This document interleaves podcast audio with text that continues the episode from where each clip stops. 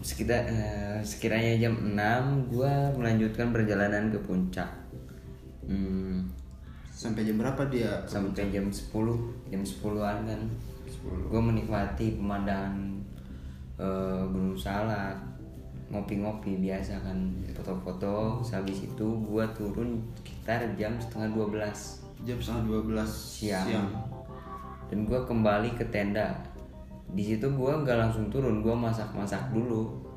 Gue eh, packing packing biasa buat pulang kan. Sampai akhirnya gue turun sekitar jam satu. Jam satu siang. jam satu siang.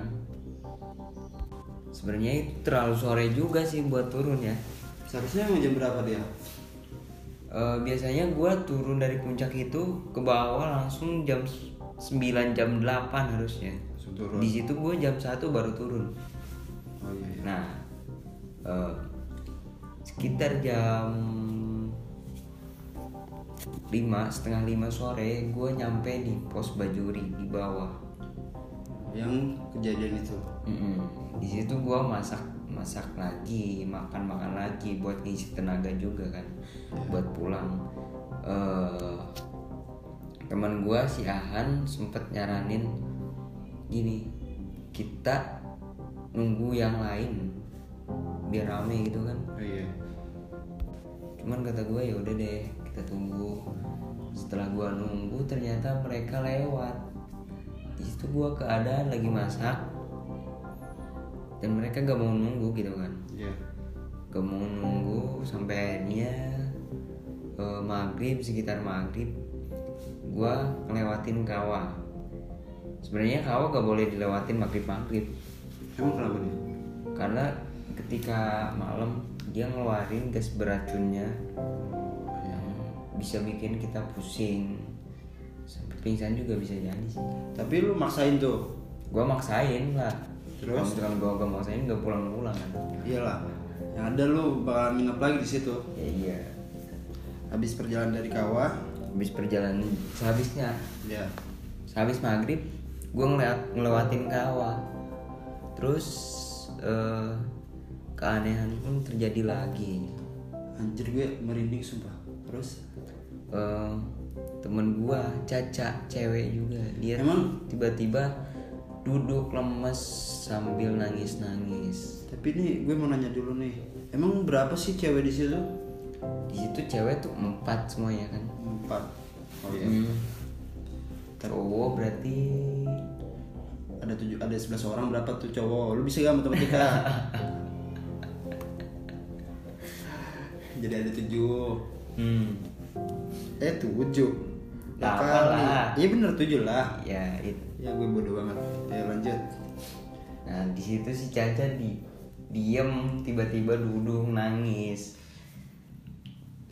Eh, dan gua semperin dia terus setelah gua tanya-tanya ternyata dia tuh punya penyakit riwayat riwayat penyakit kanker Kanker. hmm, tapi dia di situ nangis bukan gara-gara penyakitnya tapi, Tapi emang tapi tadinya lu kira seperti itu Mm-mm. karena penyakitnya. karena penyakitnya gua kira kan tapi ternyata dia nangis lemas duduk bukan karena penyakit tapi karena ada yang Ikut apa? ikut lah gitu jadi kerasa berat Ada yang ikut dari atas ke bawah. Mm-mm. nah di situ gak lama si Siva yang tadinya kesurupan ternyata dia juga bisa ngobatin orang yang kesurupan Oh. Tapi lemah juga ya walaupun dia bisa ngobatin ya. Terus dia habis itu diobatin sama si Siva. diobatin lah sama si Siva kan Iya. Hmm, se- sehabis itu sekitar lima menit dia nangis. Gue melanjutkan perjalanan karena waktu udah menunjukkan jam setengah tujuh malam.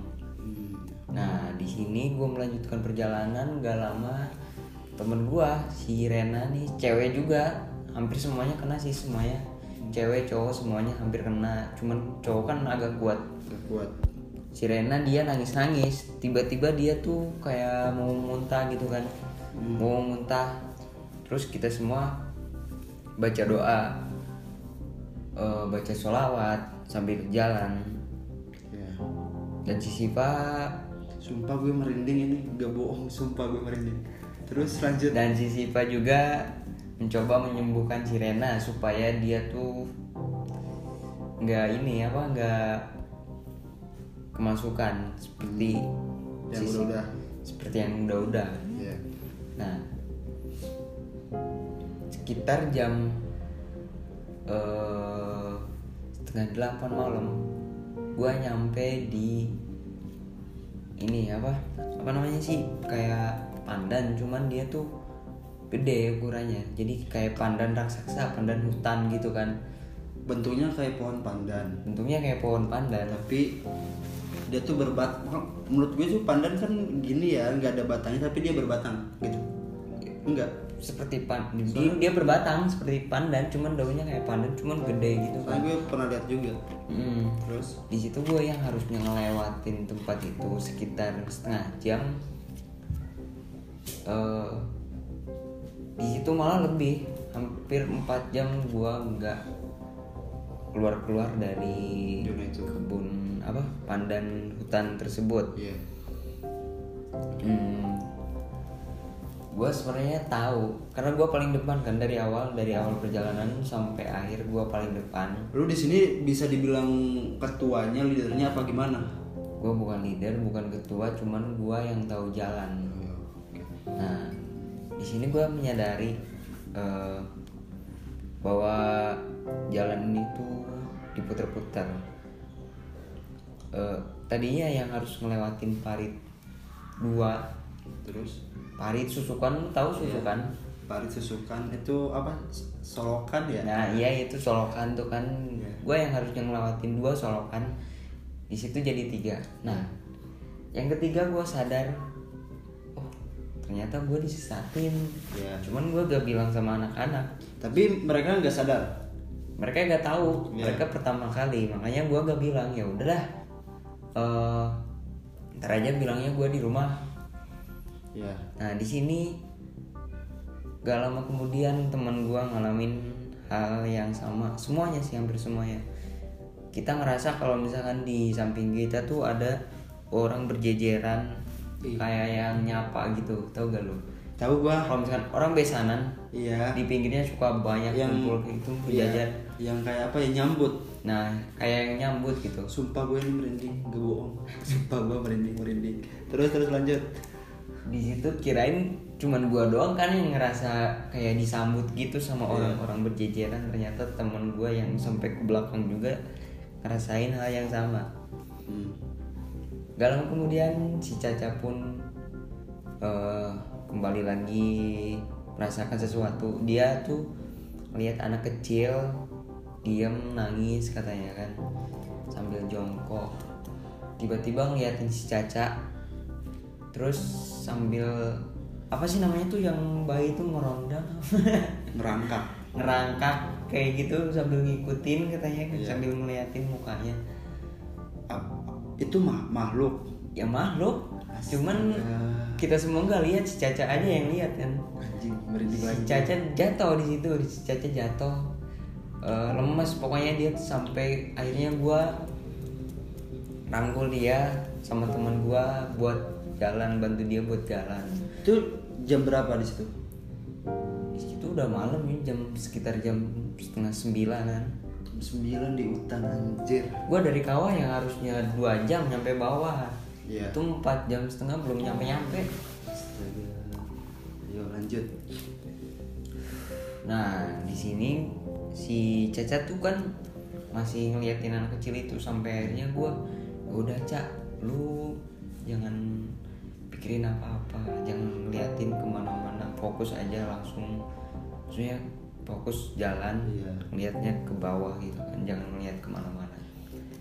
Di sini gua ngalamin hal yang sama kayak si Caca, tapi gua lihat di atas pohon ada kayak gunting eh, kakinya ngelambai-lambai sama tangannya tuh dada-dada kayak gitu ah merinding anjir sumpah gua gua gak tahu nih ini gua, gua ngelihat pintas karena gua pakai headlamp kan otomatis langsung refleks Iya. ke center itu. Makhluk. Makhluk. Makanya nih alasan gua kenapa gua pengen naik gunung. Tapi alasan gue alasan gue kenapa gak gak gerak-gerak itu perjalanannya. Pasti namanya di hutan kan tahu sendiri. Ya terus kedua gue gak kuat dingin. Kalau udah dingin gue menggigilnya bener-bener jadinya gue up naik gunung gak mau naik gunung. Terus? Ya gue pikir ya gimana ya? Gue mau eh, mau teriak takut anak-anak juga panik gitu kan. Ya udah gue diem gue lu, juga lu diem. kaget di situ? Ya gue kaget lah. Namanya orang normal gitu kan ketemuan tuh kayak gitu kaget. Kenapa nggak kenalan apa gimana gitu ya enggak gue lihat ke bawah. Gue langsung lihat ke bawah langsung sama dia? fokus lang- langsung fokus jalan sambil rangkul si Iya. Caca apa, buat bantu jalan gitu kan. Nah kalau lama kemudian gue ngelewatin jembatan. Ini akhir sih sebenarnya udah sampai. sampai. Udah sampai bawah udah sampai base camp. Sampai akhir pun itu lu masih ada hal yang aneh? Masih ada. Tapi itu kan akhir pun masih hutan kan masih hutan tapi agak jauh ke jalan raya udah gimana? sama Udah rumah warga. Nah di situ si Siva kan nyaranin buat eh, nyebrang jembatan jembatan kayak gitu. Emang ada jembatan sih akhirnya dia nyaranin buat eh ngelewatin bertiga bertiga. Gue gak tahu sih kenapa, cuman mungkin itu biar lebih baik aja atau gimana. dia kali gitu. Firasat Lebih dia, emang dia juga punya kayak anak indigo gitu. Iya. indigo indigo. Ya, indigo. Uh, terus? Sesampainya gue di kerumunan warga gue tenang. Tapi mati lampu semua sejawa barat. Tahu gak dulu yang sejawa barat mati itu? Nggak tau gue di situ posisi lagi di Jakarta. Nah di situ pas gue nyampe rumah warga mati lampu semua. Gak seneng juga sih. Kesennya gimana tuh? Ya udahlah intinya gitu aja. Sampai situ udah beres gak ada hal-hal lagi sampai situ alhamdulillahnya gue udah nggak ngalamin hal yang lainnya lagi. Sebenarnya masih banyak sih tadi yang lewat. Cuman gue gak nyeritain semuanya di sini. Takut salah juga kan? Takut salah juga.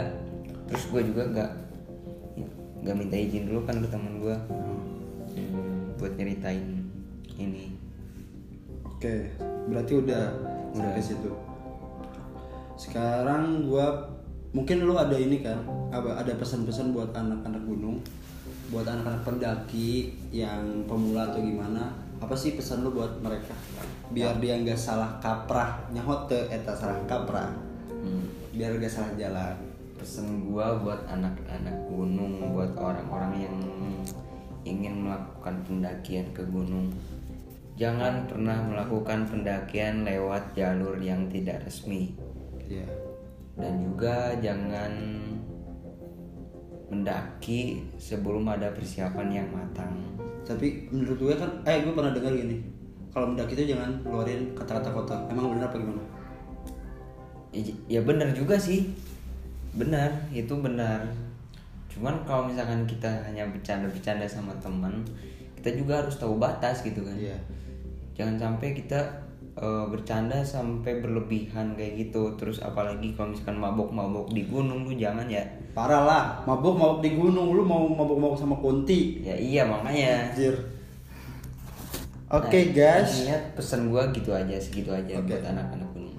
Oke guys, di sini gue udah berbicara ngobrol-ngobrol sama Abang Jaki, pendaki Gunung Salak yang memiliki riwayat yang lumayan menarik, eh, pengalaman yang lumayan bisa didengar oleh kalian. Mudah-mudahan kalian yang pengen mendaki nggak terjadi seperti apa Abang Jakil alami. Eh, cukup sekian dari saya. Iqbal Hakim dan narasumber Jaki Mubarok. Terima kasih. Assalamualaikum warahmatullahi wabarakatuh.